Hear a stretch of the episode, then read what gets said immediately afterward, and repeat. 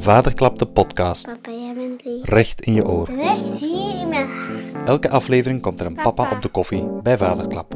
Papa. Papa. Vandaag klappen we met Thomas Thijs. We zitten ook voor dit deel van de podcast in het gesprek met Thomas Thijs in de Artevelde Hogeschool eh, in Gent, Sint-Amansberg. Heel nieuw, mooi gebouw. We zitten in de spelotheek van de opleiding Pedagogie van het jonge kind. Klopt. Voilà. Een opleiding waar toch ook redelijk wat jongens en jonge mannen nog aan beginnen, gelukkig. Zeker. Ehm, maar Thomas, we zitten hier niet om daarover te praten. Hm. We hebben al een eerste opname achter de rug, waarin we uitgebreid praten over het eh, onderzoek rond vadervriendelijkheid van organisaties dat jullie hier op de campus gedaan hebben. Maar ik wil graag met jou praten over Thomas de papa. Ja. Want jij hebt twee kinderen. Ja, ja, ja. Dat klopt inderdaad. En eh, ja, onze Dries hè, is vier jaar, vier jaar geleden geboren. Keizersnede ook. Ja? Ehm, maar goed, eh, een klein beetje vroeger dan gepland. Het was een keizersnede omdat hij gedraaid zat. Ja. Ehm, dus eh, hoe zeg je dat? Met de poep naar beneden. Hè? Ja. Ja. Ehm, maar goed, al bij al een gezonde, gezond traject afgelegd. Onze Sander was wat, eh, was wat spannender. Hè. Dus dat is vorig jaar is hij geboren. April. 12 april. Ik moest al even denken. Ja. Jezus, 12 april. Ja. Ehm, maar op 30 weken. Eh, dus eh, best, ja. wel, best wel vroeg. vroeg, Ja. Hè, dus dat is echt eh, de, de echte prematuriteit. Hè, niet, niet vroeggeboorte. Ehm, en vooral ook een spannende periode ervoor. Ehm, in die zin dat het eh, water van mijn vrouw, van mijn verloofde, sorry, Ja. het water van mijn verloofde gebroken was op 27 weken. Ehm, dat ligt op de grens van Ja. wat de medische wereld kan eh, doen. Ehm, ja, dus dat was, een, dat was een, een heftig verhaal voor ons. Hè. In die zin dat, eh dat Freya, ik zal het bij naam noemen ook, plots zei ik denk eh, dat, dat, ik, dat mijn water gebroken is. Ik zei dat eh, lijkt mij niet. Dat willen we ook niet. keek even op de kalender, dat, Ja. dat lijkt mij niet te kloppen. Ben je Ja. zeker dat het niet gewoon een plasje was? Ja. Ik denk het toch niet. hè. Dus we belden naar het ziekenhuis en eh, zij gaven direct aan van ja, kom toch maar eens binnen, we gaan eens controleren. Ja. Ondertussen drie in bed gestoken. En ja, ze belde een uurtje later terug van ik eh, ga moeten blijven en het zal eh, de komende dagen zeer spannend zijn. Want jij was niet mee naar het ziekenhuis. Nee, ik was niet mee naar het ziekenhuis. Dus, eh, Omwille van Dries, hè, de oudste die thuis blijft, ja. dat is punt 1. Maar Maar er waren ook al april een aantal- 2020. Juist. Ja. er waren ook al een aantal coronaregels. In die zin dat de ehm, ziekenhuizen wel al heel vroeg hè, ehm, door hadden van dit is hier meer, Ja, meer dan, een, meer dan Ja. een stevig griepje. Hè, ehm. En het is voor echt. Dus ehm, eh, er was eh, nog niet echt een bezoekregeling. Ook, Ja. hè, dus we wisten ook dat we een stuk geïsoleerd gingen zijn van elkaar. Ehm, er was ook geen eh, opvangmogelijkheid voor Dries. Ehm, Ja, Als kon ik niet zomaar naar de oma of, de, allee, of, of, of buren. Of, het was Ja. allemaal minder evident. En het moeilijkste, dus de, wat, in medische termen noemt dat een PPROM. Dat is een, een onverklaarbare scheur in de ehm, vruchtzak, Ja, waardoor het vruchtwater eigenlijk eh, weggaat. Dus de baby zit zonder vruchtwater of met heel weinig vruchtwater in de baarmoeder. En eh, afhankelijk van het verloop, eh, van de gezondheid van de moeder ook, hè, ehm, kan dat nog een tijd gerokken worden. Ja. Er zijn een aantal heel uitzonderlijke situaties waarin dat tot acht, negen weken wordt gerokken. Ehm, ook ondersteund door, door wat medicatie en Ja. heel veel rust en zorg. Eh, maar eigenlijk hoorden wij ook al in het verhaal van de gynaecoloog van ja, bereid jullie voor op, eh, op, een, eh, op, een, op een stevige rollercoaster Ja. de komende weken. Ehm, en dan starten ze ook eigenlijk meteen met het klaarmaken van de baby Ja. voor een vroeggeboorte. Dus dat wil zeggen dat ze longrijping geven, Ja. cortisone, ehm, om de baby te ondersteunen dat hij klaar is om veel te vroeg geboren te worden. En dan eh, begint je hoofd te draaien. Ja. Dat is, eh, dat is eh, een van de, de, de heftigste Ja. nachten, zou ik zeggen, die, die ontstonden. Want de volgende ochtend staat Dries dus ook op in het idee. Mijn mama maakt mij wakker. Ja. Ik ga aan tafel zitten en ik ga naar school. En ehm, ja, dan hebben we toch even moeten slikken de dagen daarna. Ja. Want zij is dan binnengegaan, zij is alleen binnengegaan. Ze is alleen binnengegaan. Ze is dat ook daar zij alleen ook moeten, hè? Zo net zoals jij het thuis alleen moest Ja, horen en slikken, is het voor haar ook een gekke, eh, alleen een Ja, heel zwaar Absoluut, absoluut. moment En- geweest. En dan is het nog eens aan u 's morgens om aan Ja. Dries, vier jaar of drie jaar op dat moment, uit te leggen. Mama is in het ziekenhuis, eh, baby, wachten, broertje, spannend. Ja. Ja. Ja, En, ehm, en ook al de zekerheid van ja, en we mogen niet eh, naar mama gaan ook. Nee. Hè, dus je moet nu maar geloven wat ik zeg. Ja. En eh, dat is niet eenvoudig om dat aan een drie jaar Ja. te vertellen.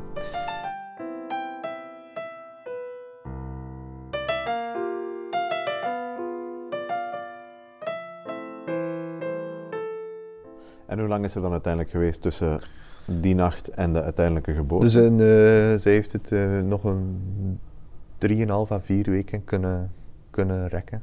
En is zij de volledige periode in het ziekenhuis? Ja, absoluut, absoluut. En dus eh, ze- echt eh, liggen- liggende rust. Hè. Ehm, en ehm, ik denk een weekje, dus ze lag in het ziekenhuis in Deinze. Een weekje later is ze overgebracht naar het UZ, omdat de dokter vermoedde van kijk, het zal, het zal nu eh, zijn. Ja. En ook ehm, een stukje door de, ja, dat is misschien heel technisch medisch en zo, maar de, de positie van Sander in de baarmoeder was ook niet zo ideaal. Ja. Ehm, hij had heel weinig beweegruimte.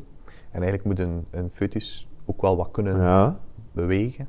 Ehm, ze maakte zich wel zorgen ook over infectie, dus werd ze overgebracht naar UZ, waar dat ze heel goed dan Ja, ja. eh, omringd was en waar ze eigenlijk permanent klaar stonden voor, eh, voor eh, de geboorte. ja. Maar die, de periode van twijfel en onzekerheid in die eh, weken is eh, verpletterend. Ja. En, en eh, omdat je niet weet wat er, wat er eh, gaat gebeuren, Nee. wanneer het gaat gebeuren. Er waren heel veel zorgen over ehm, of hij ja, levend geboren Ja, ja. worden. Ja, ik moet het zeggen like het is. Hè. Ehm, en als hij levend geboren werd, of hij gezond ging Ja. Je hoort altijd de, de medische kansen en de Ja, ja. percentages. Eh, Het is een operatie met 8% kans op dit of zo. Daar zijn de percentages hoger. Hè. Het is een, het is een eh, geboorte waarbij er 20, 30% kans is dat er ook iets mis is Ja. in de hersenen, met het hart, met de longen. Dan slik je wel. Eh, dan bereid je daar mentaal ook een stukje op voor. Eh, Het zijn ook wel moeilijke gesprekken op voorhand. Dat, is, dat is de, de luxe die je hebt dan wel. Dus met de gynaecoloog een aantal gesprekken over, eh, ja kijk, als hij nu gebo- eh, geboren wordt en er zijn wat complicaties, wat, Wat doen wil we? je, wat doen we in die situaties? Eh, Amai, ik krijg er spontaan buikpijn van. ja, dus Ja, eh, nee, ja, ja. te spreken. Ja, niet eenvoudig. Ehm, op zo'n momenten denk ik eh, dat je jezelf wel recht houdt met het idee van kijk, we zijn april, de zomer komt eraan, corona zal achter ons liggen. dat dacht ik toen. Al goed dat we dat toen nog dachten. Ja. Echt, ja. Ja. Dus ik dacht, eh, tegen dan kunnen we terug eh, Ja. met familie afspreken. En vrienden hè. zien Dus en- vrienden ja. zien, want je, de- je bent dus geïsoleerd met dat verhaal een stuk.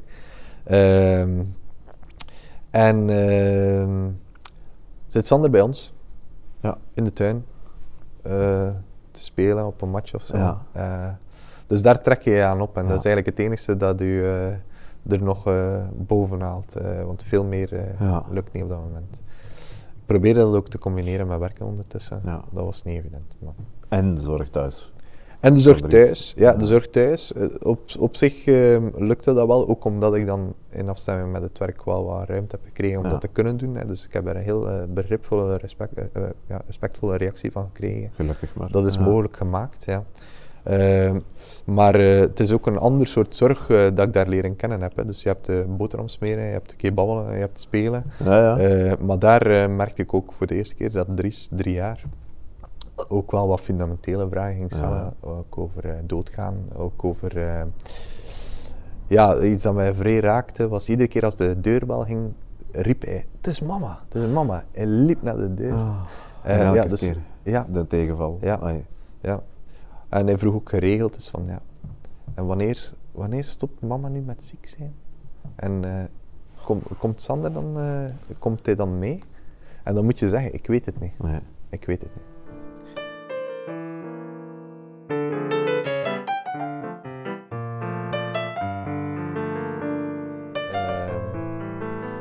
Maar goed, we hebben, ik heb dan het, eh, het mantra jongenstijd. als, dat was mijn antwoord eh, een beetje op die situatie. Van kijk Dries, hè, er mocht ook geen bezoek komen. Dat was echt Ja. eh, de, de, Ja, de hele, strenge, hele strenge, strenge, ja. strenge lockdown. Hè. Iedereen thuis Binnen, en geen bezoek. En.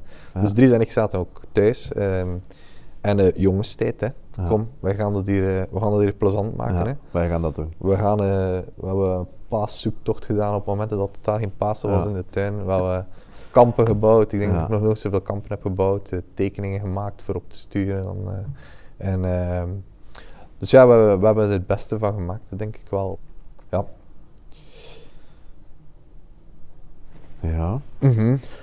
En dan gaat het verder. Ja, en dan, dan zijn we drie, vier weken verder. Ja, dus die eh, periode ja. doorgesparteld, als ik dat woord mag ja, gebruiken. echt, eh, ja, Ehm, dus ja, in, eh, ja, echt doorgesparteld. elke betrokkenen op dat moment. Hè, Absoluut. Ik neem aan ook wat, misschien nog wat familie daar rond die ook Zeker. mee zitten te supporteren. Ja, en en ook een stukje met de handen op de rug zitten. Ja? Allee, ik wil naar u komen, ik wil je een knuffel geven. En zo is aan het zijn. zwaaien van Ja, ga het. Voilà, voilà.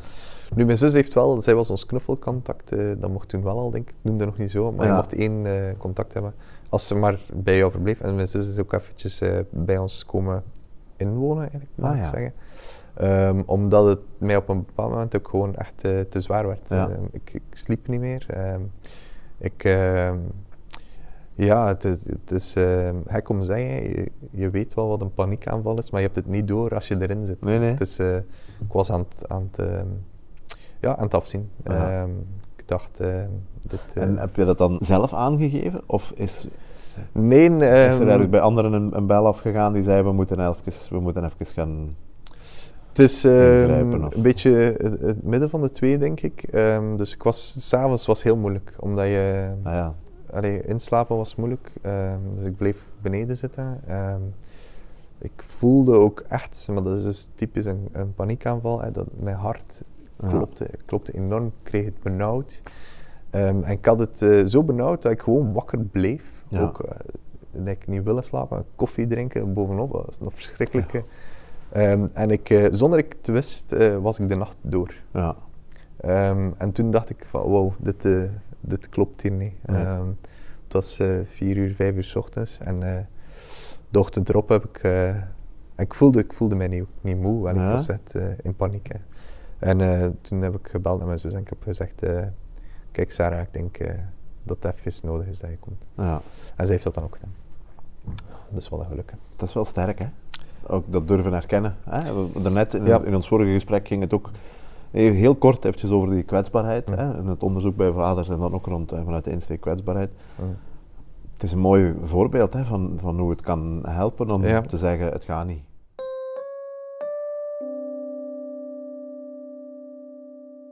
Dan doorspartelen we die hè. Ja? En eh, eigenlijk heb je. Dus je volgt ook enorm ehm, op. allee, of, dat was mijn eh, aanpak toch. Volg ik enorm op wat de overlevingskans is. Een keer je de 28 weken Ja. passeert, is die hoog. Hè, dus dan Ja. weet je, dit komt oké, maar dan heb je nog altijd kans op eh, Ja. beperkingen, dysfuncties en zo verder. Dus dan zoek je dat op. Eh, Oké, de longen, dat kan een probleem zijn. Eh, groei kan een probleem zijn. Het hart, daar moeten we voor- vooruit kijken. Ik was bijna aan het meedenken in plaats van ja. de gynaecoloog. Ehm, Oké, maar dan raak je aan 30 weken, dan, is de, dan zijn de prognoses ook wel wat beter. Ja. Dus dan is er opnieuw een, eh, een eh, soort van opluchting. Eh, en toen voelden we alle twee aan, ik geloof daar niet echt in, maar toch hebben we het alle twee gezegd van, hij, ko- hij komt. Eh, Nee, hij, komt Ah. nu. Het zal nu, hij gaat nu komen. Dus eh, op een manier eh, ja, hebben we dat toch zo ingeschat dan. Misschien het idee van, ja, je kan dat drie à vier weken rekken, het was ook zo. Ja. Ehm, ja, en dan eh, gaat het plots van heel traag naar heel snel. Ja. Hè, dus het gaat een aantal weken veel te traag. Maar tegelijkertijd ben je ook blij dat, Ja, dat het blijft er gaan. niets gebeurt, Dat er niets gebeurt. En dan gaat het heel snel. En dan eh, zijn we eigenlijk op een aantal uur tijd, ehm, dus ik begon weeën te krijgen.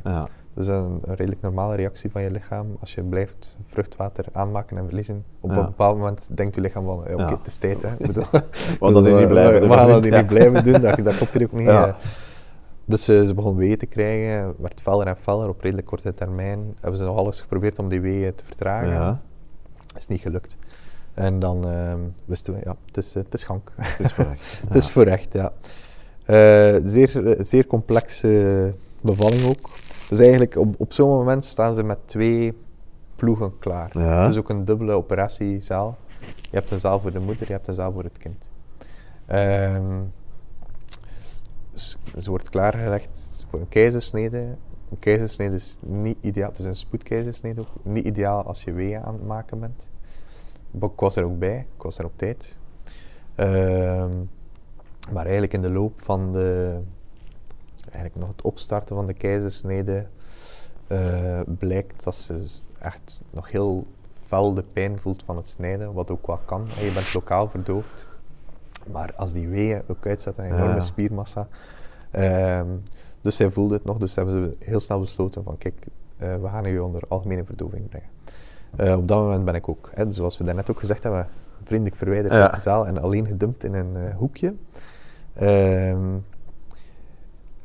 en dan weet je ook, ehm, dus dat had de gynaecoloog wel gezegd, dat je kind eh, verdoofd wordt geboren. Dus sowieso op 30 weken is het zeer spannend om te weten of je kind ademt of niet bij geboorte. Een normaal kind wordt Ja. geboren, Groot Krijs- lawaai. ja. Groot lawaai.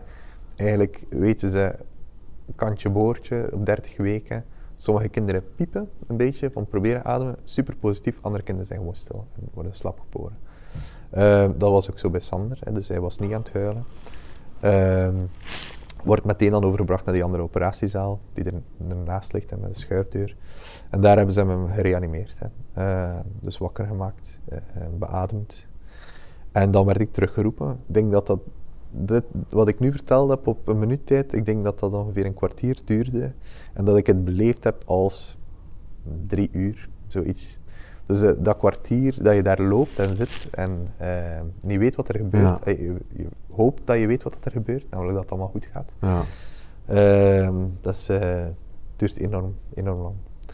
Ehm, kwam een verpleegster dan terug, ik denk na een kwartier, en ze zei: Uw zoon is geboren, proficiat. Ik zei: Dankjewel. Ehm maar ze zijn hem nu aan het proberen wakker maken. Oké. We proberen wakker te maken. Pardon, als ik... ja. Hij had geen hartslag en dingen ze Nee. dan? Of? Nee. Dus hij had geen hartslag, dus ze hebben kort moeten reanimeren. Hartslag kwam wel snel terug. Omdat om, dat hing ook samen met die volledige verdoving. Dus ze geven verdoving op maat van een volwassene. Ja. Ehm, en een kind, allez, ze weten, een kind gaat automatisch mee met de moeder. Ja, de ja. verdoving, veel te zwaar ook. Dus dat is ook met een eh, anesthesist hè, die daar heel, eh, Ja, ja. heel, van heel nabij opvolgt. Ehm, maar goed, dat is dan gelukt. Ehm, en vijf minuutjes later mocht ik eh, binnenkomen en dan zag ik Sander. Sander was eh, een kilo zwaar. Ehm, wat, waar we heel blij om waren, want hij was geschat op de echo's op 850 gram. Ja. Eh, dus dat is een, een zakje, zakje bloem. Hè. Ja. Ja, ja, hij Pak was, ik weet niet meer precies hoe groot hij was, maar hij was heel klein. ik, ik mat, allee, de eerste dagen, net als Freya, gebruikten we ons pink om in te schatten hoe groot hij was. En ons pink was zijn been. Dus we legden ons pink naast zijn been en zeiden we, oké, nu is hij al zo groot. Ah, Kijk, ons pink komt al tot aan zijn knie. dat, is, eh, dat is absurd, maar op zo'n moment vier je elke kleine ja, eh, elke, stap als een ja. overwinning. We hebben een Driesing geboren worden als een volgroeide baby. Normaal Ja. kind, proper ook door de keizersnede. Ehm, en daar ligt een soort eh, klein eh, wezentje, heel mager en klein. En toch was ik zo eh, blij. Ja. Ehm, ja. Ik weet ook nog, de, de dokter die erbij stond om hem te beademen, dat gebeurt manueel met een soort pompje. Ehm, ja, ik was hem zo dankbaar. Ik- Echt, ik ben zo blij om je te zien. Zeg. Ja. En, ja, je hebt zoveel betekend voor ons. En, ja. En ze gebruiken ook een soort eh, plastiek zak om de kinderen in te steken. Het, is echt, het, is echt, het is zoals het is. Het is een plastic zak, een doorzichtige plastic zak, waarin ze kinderen steken een klein beetje vocht, vloeistof, ehm, om, hen, ehm, ja, om hun huid wat te beschermen, Ja. enerzijds, en ook om eh, wat warmte te kunnen eh, Ja. geven. Eigenlijk is het een soort uh, baarmoederachtig iets dat ze namaken. Ja. Maar ik, op, op zich vind ik dat een mooi moment. Allee, ik- dat ik daar binnenkwam en dat Ja. ik hem zeg. En dat, dat, daar valt al heel veel van je af. Ja. Eh, van dit is gelukt. Dit is, dit is ook... Ja. Oké, nu zit wel... Ja, we zijn hier al. Ehm, En dan werd Freya ook wakker gemaakt uit haar verdoving. eh, eens eh, ge- gerepareerd was. Ja, gerepareerd. Ja. Ehm. En ik zag ook dat zij ademde, dat ze keek, dat ze vroeg hoe dat was met Sander. Ehm, dus dat was goed. En eigenlijk heel kort kon ze dan nog haar hoofd opheffen om te kijken hoe hij passeerde. Want dan doen ze alle onderzoeken. Dus ze nemen hersenscan om te zien of er schade is. Ehm, de longen worden nog eens gecontroleerd, eh, het hart wordt gecontroleerd. En dan gaat hij naar de NICU, dat is de neonatale intensive care. eh, waar hij dan nog een aantal weken is verbleven. En mocht je dan wel? Ja, dus bezoek. eigenlijk, En daar- ehm, nu, het, is, het is een stuk samengegaan met de, met de toch lichte versoepeling in de ziekenhuiscontext. In die zin dat ehm, er was wat overtuigingskracht nodig om mij op bezoek te laten komen toen zij in het ziekenhuis kwam. Maar op het einde ging dat wel. Oké. Eén moment per dag. eh, en ook niet te lang eh, was zo, zo het advies tussen de lijnen door. Eh, maar dat versoepelde naar hoe dichter we bij de vervalling wel kwamen. Ja. Van, ah, oké, hij is daar weer. En hij is al wel wat blijven Ja. hangen. We En, kennen eh, hem intussen. Ja. Dus er is ook nooit iemand geweest die mij zei van, eh, nu moet je echt vertrekken of zo. Maar eh, je voelde wel, er moest wel wat gesproken worden over, mag je nu eigenlijk op bezoek komen of mag je nu niet op bezoek komen? Ja. In het begin werd hij heel sterk ondersteund voor zuurstof, werd hij opgevolgd voor de hartslag. ehm. en eh,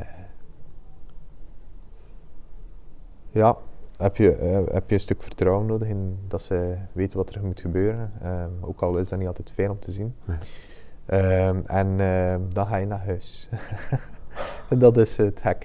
Hè. Je- dus, eh, dus is, ik denk dat de NICU, dat is wat de duurste kinderopvang ter wereld, denk ik. Hè. Eh, dus eh, je laat je kinderen daarachter en je gaat naar huis. En, Ja. ehm, En je moet maar vertrouwen hebben. ja, ja. Hè. En dus je hebt daar wel, dat is wel bijzonder vind ik, je, hebt, dus, eh, je mag altijd langskomen. Dus Ja. ook, eh, stel je wordt wakker drie uur s'nachts, je maakt je enorm zorgen, je stapt in je auto, je rijdt naar het ziekenhuis en ze weten dat je daar bent. En, je mag ook altijd bellen en zo, wat we Ja. soms wel eens gedaan hebben. Ehm, zeker als we wisten dat het wat moeilijker had. Ja? Ehm, maar gelukkig heeft hij eigenlijk vandaar een heel mooi parcours afgelegd. Ehm, dus zijn, zijn eerste 24 uur waren zeer moeilijk, omdat Ja. hij moest beademd worden, omdat hij niet zo goed geboren was, onder verdoving ook geboren was. Ehm, omdat hij een stuk gereanimeerd is Ja. eh, geweest. Ehm, hij moest wat extra medicatie krijgen. En eh, ongeveer 24 uur later is het enorm eh, gekeerd. Dus ook, hangt ook samen met kinderen die geboren worden, vallen sowieso een beetje af. Hè. Ja. Dus, je hebt dus zo die dip, hè, dat Ja. is bij alle kinderen. Als je kind een kilo weegt, dan mag hij echt niet zo Dan mag niet, eh, wordt- niet te diep worden. wordt hè. letterlijk elke gram Ja. gemonitord. eh, mag ook niet uitdrogen en. Eh, maar eens we die 24 uur gepasseerd waren, was eigenlijk alles oké. En toen kwamen ook stilaan de geruststellende berichten binnen. Wat ze heel vaak zien bij geboorte op die weken, dat is dat er kleine, kleine ehm, ja, ik weet niet of ik het infarctjes mag noemen, maar alles Ja. is kleine schadebrokjes zijn in de hersenen. Dus heel kleine puntjes. Ja? Die puntjes kunnen in compleet ongevaarlijke gebieden zitten, maar soms ook in Ja. eh, heel eh, essentiële eh, onderdelen van je brein. En bij hem zagen ze eigenlijk geen sporen daarvan, dus daar waren wij al super gerust van. En een aantal dagen mocht hij dan ook van de zuurstof. Ja. Moest hij soms nog eens ondersteund worden, maar niet permanent. En dan, ik denk, ehm, na een vier, ja, drietal weken, mocht hem voor de eerste keer bij ons nemen. Eh, dus op de, op de hand. Dus al die weken Onder de heb je een zoon Ja, die je niet mocht Ja. aanraken. Nee, dus uh, aanraken, misschien, is, zo misschien is- is voelen zo, maar Ja. niet bij je pakken. Eh, en ik moet zeggen, zelf na die periode en na al die dagen wachten, vond ik dat zeer moeilijk. Omdat Ja. je, je zit zo ehm, mee in dat verhaal van dit is hier zeer gevoelig en kwetsbaar. Ja, ja. ja, ja. en Dat je niet durft. En dat was wel een verschil tussen Freya en mij dan. Dus. Freya hoorde, je mag Vloog er naartoe, geef die bij mij, leg die tegen de borst. Ehm, ik moet toegeven, ik had, daar zeer, eh, ik had het daar wel wat moeilijk mee. Ehm, ook omdat je denkt, ja, je hebt toch wat grotere handen. Zo. Ja, ja. Ik bedoel, ik Het is pak, zo pak fragiel. drie's op Ja. op één arm en ik ben ermee weg. En daar moet je echt heel fragiel pakken. Mocht ik hem ook even tegen mijn borst leggen, t-shirt erover. Ja. En eh, ja, ik had, laten we zeggen, nog veel plaats daarnaast. eh, ja. ja. Ehm, en dan, eh, nog een aantal weken later, is hij verhuisd naar het ziekenhuis in Deinzen terug. Ja. Als ze wat meer zeker waren over zijn situatie. En pas halverwege juni, op de laatste dag, dat, juist, de laatste dag dat hij in het ziekenhuis mocht. Dus wat ze, ze willen dat hij vlot kan eten, drinken, geen zuurstof nodig heeft. En dat hij geen eh, brachydicardie doet, dus geen eh, hartslagdaling. Ja. En dat deed hij heel vaak. Eigenlijk tot het einde ehm, bleef eh, zijn hartslag, eh, zijn saturatie, de Ja. saturatie in bloed, bleef ehm, heel sterk dalen. Dus ze zakte van eh, 99 naar 85 en Ja. weer naar boven. En dat zien ze niet zo graag in het ziekenhuis. dus ze zeiden van, dat moet er echt wel nog uit voordat je meeneemt naar huis. En tot de laatste moment in het ziekenhuis blijft hij dus eh, aan de, de, de monitors hangen. En, ehm, op die dag eh, mocht Dries ook eens op bezoek komen. Dus eh, ik kende zijn broer niet, twee maanden. Eh, wist dat hij thuis kwam. En hebben we ook wel iets grappigs ontdekt. Dus eh, het verhaal dat we bij Dries deden, en mama is nu ook terug thuis, papa is Ja. ook terug thuis. Sander is nog in het ziekenhuis, hij blijft daar. We filmen zijn kamertje Ja. en zo. We tonen wel wat foto's. En we zeiden, Dries, Sander moet nog in het ziekenhuis blijven tot hij een beetje gegroeid is.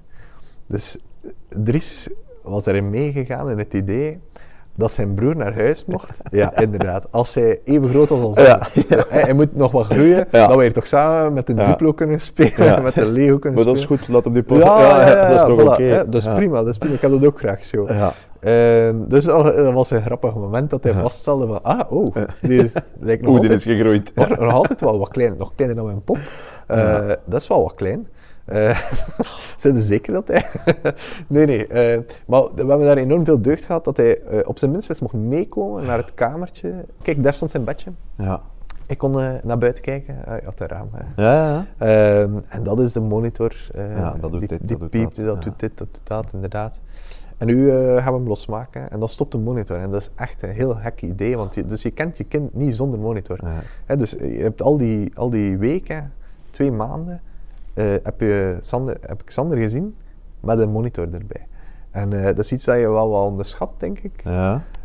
Dus je legt hem dan in een maxi-cosi en je rijdt weg.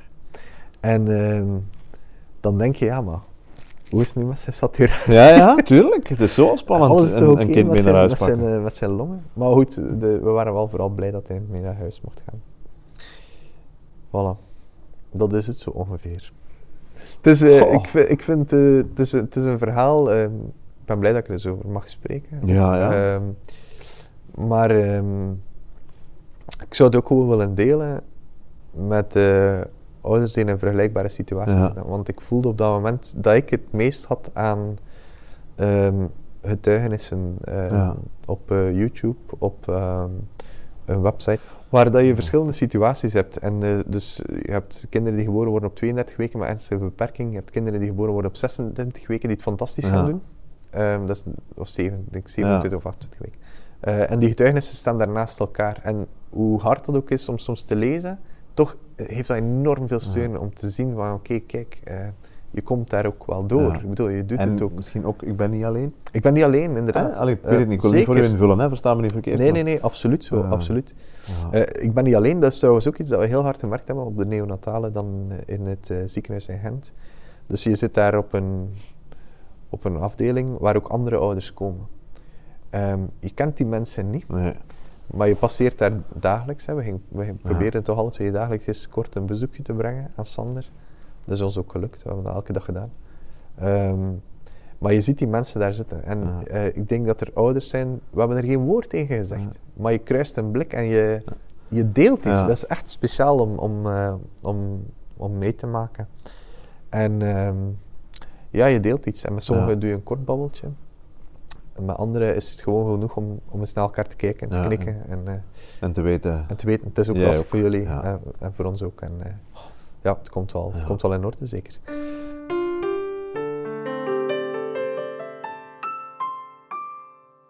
Hoe is het er nu mee? Eh, ja, het is eh, goed. Uh, eigenlijk zeer goed. Ik had altijd... een jaar en, een, jaar twee ja. een jaar en een maand. Ja. Ehm, ik had altijd getekend, om het zo te zeggen, voor hoe hij nu, is. Ja. Ehm, was wel merken, dus hij, wordt een stuk opgevolgd. Ja? Ehm, en eigenlijk tot vijf jaar. Ja. Ehm, en dat is ook de heel duidelijke boodschap die je meekrijgt vanuit het ziekenhuis. Hè. Dus omwille van die eventuele schade Ja. in de hersenen die niet altijd direct zichtbaar is, maar ook omwille van de gevoeligheid van de longen, Ja. van het hart, ehm, gebeurt het. Hè. Dus we zijn nog niet bij de kooppatatjes, we zijn er nog niet uit. Ehm, gebeurt het dat er pas op latere, diagno- eh, latere leeftijd diagnoses worden gesteld of problemen worden vastgesteld, bijvoorbeeld ontwikkeling, de snelheid waarmee kinderen ontwikkelen, maar ook ehm, ja, eh, bewegingsvrijheid en zo. En daar waren in het begin wel wat kleine zorgen rond, omdat hij één kant nogal snel ontwikkelde in vergelijking met een andere. Ja. Dat zijn we nu ook wel al gepasseerd. Maar eh, je blijft het wel nog een, een hele Ja. poos meedragen. En eigenlijk van als er iets ehm, raars aan de hand is, maak je wel wel zorgen. Ja. En dat hebben we nu ook gemerkt onlangs. Hè. Dus, eh, de, er is een uitgestelde epidemie van RSV aan het rondgaan. Ehm, waar hij ook eh, ziek van eh, geworden is. En hij is eigenlijk op een heel korte tijd heel ziek geworden. Ja. Ehm, waar ze in het ziekenhuis ook zeiden van kijk, dat is ook waarschijnlijk wel een gevolg van de ex-prematuriteit. Hè, dus dat hij wat gevoeligere longen Ja. heeft. Ehm, pikt hij dat wat sneller op en gaat Ja, het vooral reageert hij daar ook op. gaat het vooral veel sneller ernstig. Hij is ook nog altijd wel klein, Allee, dus dat is iets dat ze in, in de komende maanden wat extra gaan opvolgen. Want het, idee is dat na twee jaar kinderen de groei gaan inhalen, Ja. maar dan nog zitten ze op die curves, hè, de fameuze Ja, meetcurves, dan nog zitten ze allemaal onderaan. Ja. Dus het is niet zo dat ze dwars erdoor gaan eh, groeien. Eh, dus dan moeten ze wat opvolgen, omdat hij nu zelf naar die norm is hij nog wat te klein. Ja. Ehm, maar ehm, zoals ik zeg, eh, ik had er altijd voor getekend. Ja. Om hem gewoon, zelf al is het maar dit MF's in mijn handen te kunnen houden. eh, om hem te zien eh, brabbelen en dingen vastpakken. En, Fantastisch. ja, ja.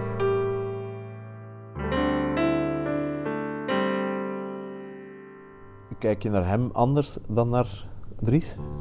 zeker. Eh, zeker. Ik denk dat je dat bij alle kinderen misschien wel doet, hè, maar eh, Ja. zeker. ehm, het, en dat merk je ook ehm, wel in het spreken met vrienden, familie. Het is ehm, toch wel. eh, het is ingrijpend om de eerste twee maanden van je kind niet bij je kind te kunnen zijn. En Je kan er wel bij zijn, maar je bent er niet bij. En ehm, je hebt toch ook altijd zo die zorg rond hechting, rond het opbouwen. Je weet dat die eerste maanden zo belangrijk zijn. Het zijn ook zeer onaangename maanden geweest voor hem, waar dat constant bloed geprikt is, eh, waar dat hij eh, aan kabels gehangen wordt, Ja. in een glazen bak ligt, alleen. Eh, ja, snap je? Dus dat, Ja, is, dat, is, ja. dat is het vieze dat je s'nachts ook wakker van wordt. Dat is, oké, ik doe mijn ogen open, ik lig in mijn bed en Sander ligt zoveel kilometer verder in een glazen bokaal, alleen. En hij wordt wel met- fantastisch goed verzorgd, Ja, maar hij ligt daar wel alleen. en hij hoort de monitor en zo. Allee, je Ja. beeldt je dat dan in en dan denk ja, dat is, dat, is, dat is wel een zorg die ik wat meedraag. Ja. Zo. Nu, ik moet ook wel zeggen, en dat werd ook wel gezegd door de kinderartsen die hem dan opvolgden en opvolgen. Ja. ehm, kinderen zijn enorm flexibel. Ja. Ehm, dus je, ze, ze passen zich enorm snel aan aan situaties. Ze kunnen echt heel veel hebben. En dat wordt nu ook gezegd rond corona. Zo, nee, wat, hoeveel kinderen zijn er nu niet die naar eh, verkeerspalen gaan om een handen eronder steken voor Ja. te pakken of zo? Of, eh, die zeggen dat mag niet omwille van corona Ja. of zo. Gaan Ja. ze dat wel overkomen? Ja, dat komt wel in orde. Ik bedoel, ze zijn echt wel flexibel eh, en sterk genoeg om dat te, te overwinnen. Dus eigenlijk probeer ik dat ook zo in te vullen. Ja. Maar ik vind dat toch iets gevoeligers, maar dat is misschien door mijn eh, academische achtergrond. eh. Ja, ik wou net zeggen, je zit Dat ook nog dat, wel eh, eens in de, in de sector ja. om dat helemaal eh, naast de boeken te kunnen Ja. leggen, bij wijze van spreken. Maar je hebt, toch- je hebt toch heel veel onderzoek dat ook aangeeft van die eerste Ja, ja. dagen zelf, hè, de eerste maanden zeker, eh, na de geboorte zijn toch essentieel voor het Ja. eh, opbouwen van die hechting.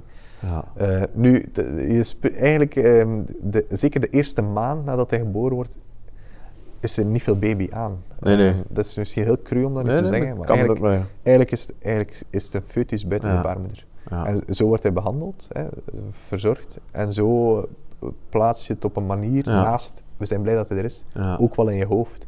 Gewoon door de, de medische omkadering. Ik bedoel, dat is een, dat is een kamertje ter grootte van ja, van zes vierkante meter. Vol staat met medische apparatuur. Eh, en piepen en buizen en Ja. dingen en zo. Dus, en lichten, TL-lampen voor de huid en zo. Ja. Dus dat is een zeer onnatuurlijke Ja. setting. Dus eigenlijk zeg je dat die couveuse dat is een soort verlengstuk van de baarmoeder. Hij is En- nog geen aanwezige nee, baby. voilà, voilà, ja, voilà. op dat moment. Maar naar, naar het einde toe veranderde dat wel een stukje. En toen voelde ik het ook wel eh, als pijnlijker aan om, om te moeten vertrekken, bijvoorbeeld. ja. Ehm, ook omdat hij keek. allee, en, eh, ja. Ja. maar, maar dat is denk ik wel oké nu. Ja. en heeft dit verhaal invloed gehad op uw verhouding met Dries? Of eh, de manier waarop je met hem omgaat? Of, of- Mm, nee, dat denk ik niet. Eh oh, jongenstijd is nog altijd een ding. Ja? Dus dat nemen we wel mee. Dat vind ik wel een tof. Ja, dat is wel fijn. Ja, absoluut. Hè. Dus vanaf nu eh ons, eh ons eh, Freya de deur toe doet en Sander is Ja. mee, of zelfs Sander is bij ons, Ja. dan wordt er eh, door de hang ge- gejald. jongens tijd, jongens tijd. Eh, ja. Maar ehm, het, het, het heeft wel ehm, een impact gehad, denk ik, op, op hoe Dries ook naar Sander kijkt. Ja. Ehm, dus dat, dat is... dat zou mij wel niet verbazen, moest dat wel nog wat meespelen. Natuurlijk, je kan het niet vergelijken, dus hè, we doen het met wat dat er Ja, is. ja. Maar hij heeft dat ook wel allemaal maar een plaats moeten geven. Zo. Ja. Een kind van drie is jong, maar wel oud genoeg. Het is zo de, de gevoelige zone. Ze zijn oud genoeg om al veel te begrijpen, maar nog te jong om alles te, te kunnen verwoorden en te verwoorden en, en een plaats te geven. Dus eh, voor hem heeft dat zeker een impact, eh, heeft dat zeker een impact gehad. En ehm, ja, in die zin, dat, toen Sander eh, RSV had, is hij ook enkele dagen in het ziekenhuis geweest om ook beademd te worden hè, Ja. van zijn longen. En ehm, Dries was daar heel gerust in. Ja, dat, dat komt wel in orde. Ik komt naar huis. Hè. En, eh, ook, vind ik het eigenlijk wel tof dat we hier nu met twee, met even, twee zijn. Ja. Voor ons. Ja. En dat, dat snapt hij nu wel. Dus eh, ja, het heeft zeker en vast wel zorgen voor zijn broer, maar tegelijkertijd heeft hij ook een soort uh, gewente daaraan opgebouwd. Oké, broer, veel zorgen. Ja. Oké. Yep.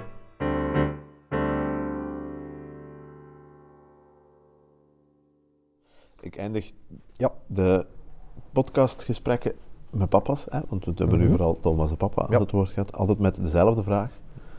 Graag de ultieme vadertip. De ultieme vader. Ja. Goh, ja, dus, dus Ja. ik, zal, ik zal het even toepassen op deze situatie. Hè. Ehm, vooral jezelf, zou ik zeggen. Maar ehm, als, het, als het moeilijk gaat, eh, ehm, ik denk... eh, Ik denk dat ik, ondanks alles wat ik wist rond, rond vaders, allee, niet dat ik daar zoveel over weet ook, Nee, maar nee. eh, vanuit de ervaring die ik opgebouwd heb, dat ik toch in de valkuil ben gestapt waar zoveel vaders in stappen. En dat is, ehm, moet je dat niet alleen oplossen. Hè? Ja. Eh, zo, ehm, soms zeggen ze de, de binnenvetters, Ja? degene die het zelf willen oplossen en erop op chicken en kouwen.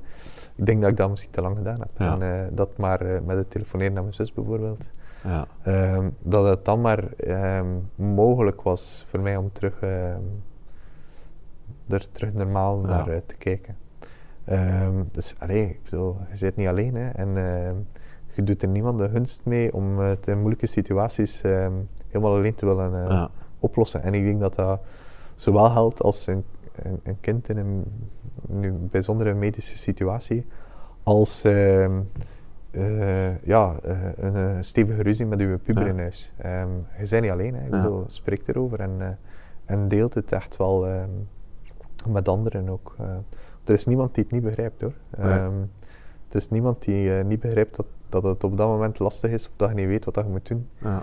Uh, Integendeel, ik bedoel, mensen, mensen willen daarover spreken. En, dus je bent niet alleen. Fantastisch. Ja. Denk ik heel mooi. Dank u wel voor het delen van het Graag verhaal gedaan. en de ultieme vadertip. Graag gedaan. U luisterde naar Studio Vaderklap. Papa. Mis geen enkele aflevering en abonneer je gratis via eender welke podcast-app, via Spotify, Soundcloud of luister gewoon op vaderklap.be. Papa. Papa. Vaderklap wordt opgevoed en grootgebracht door de founding fathers Pieter en Dimi, met de hulp van Wim, Stijn en Hans. De muziek is van Daan Richard, featuring Oeroes. Inderdaad, een vaderklap. Volgende keer klappen met een andere papa. Tot dan!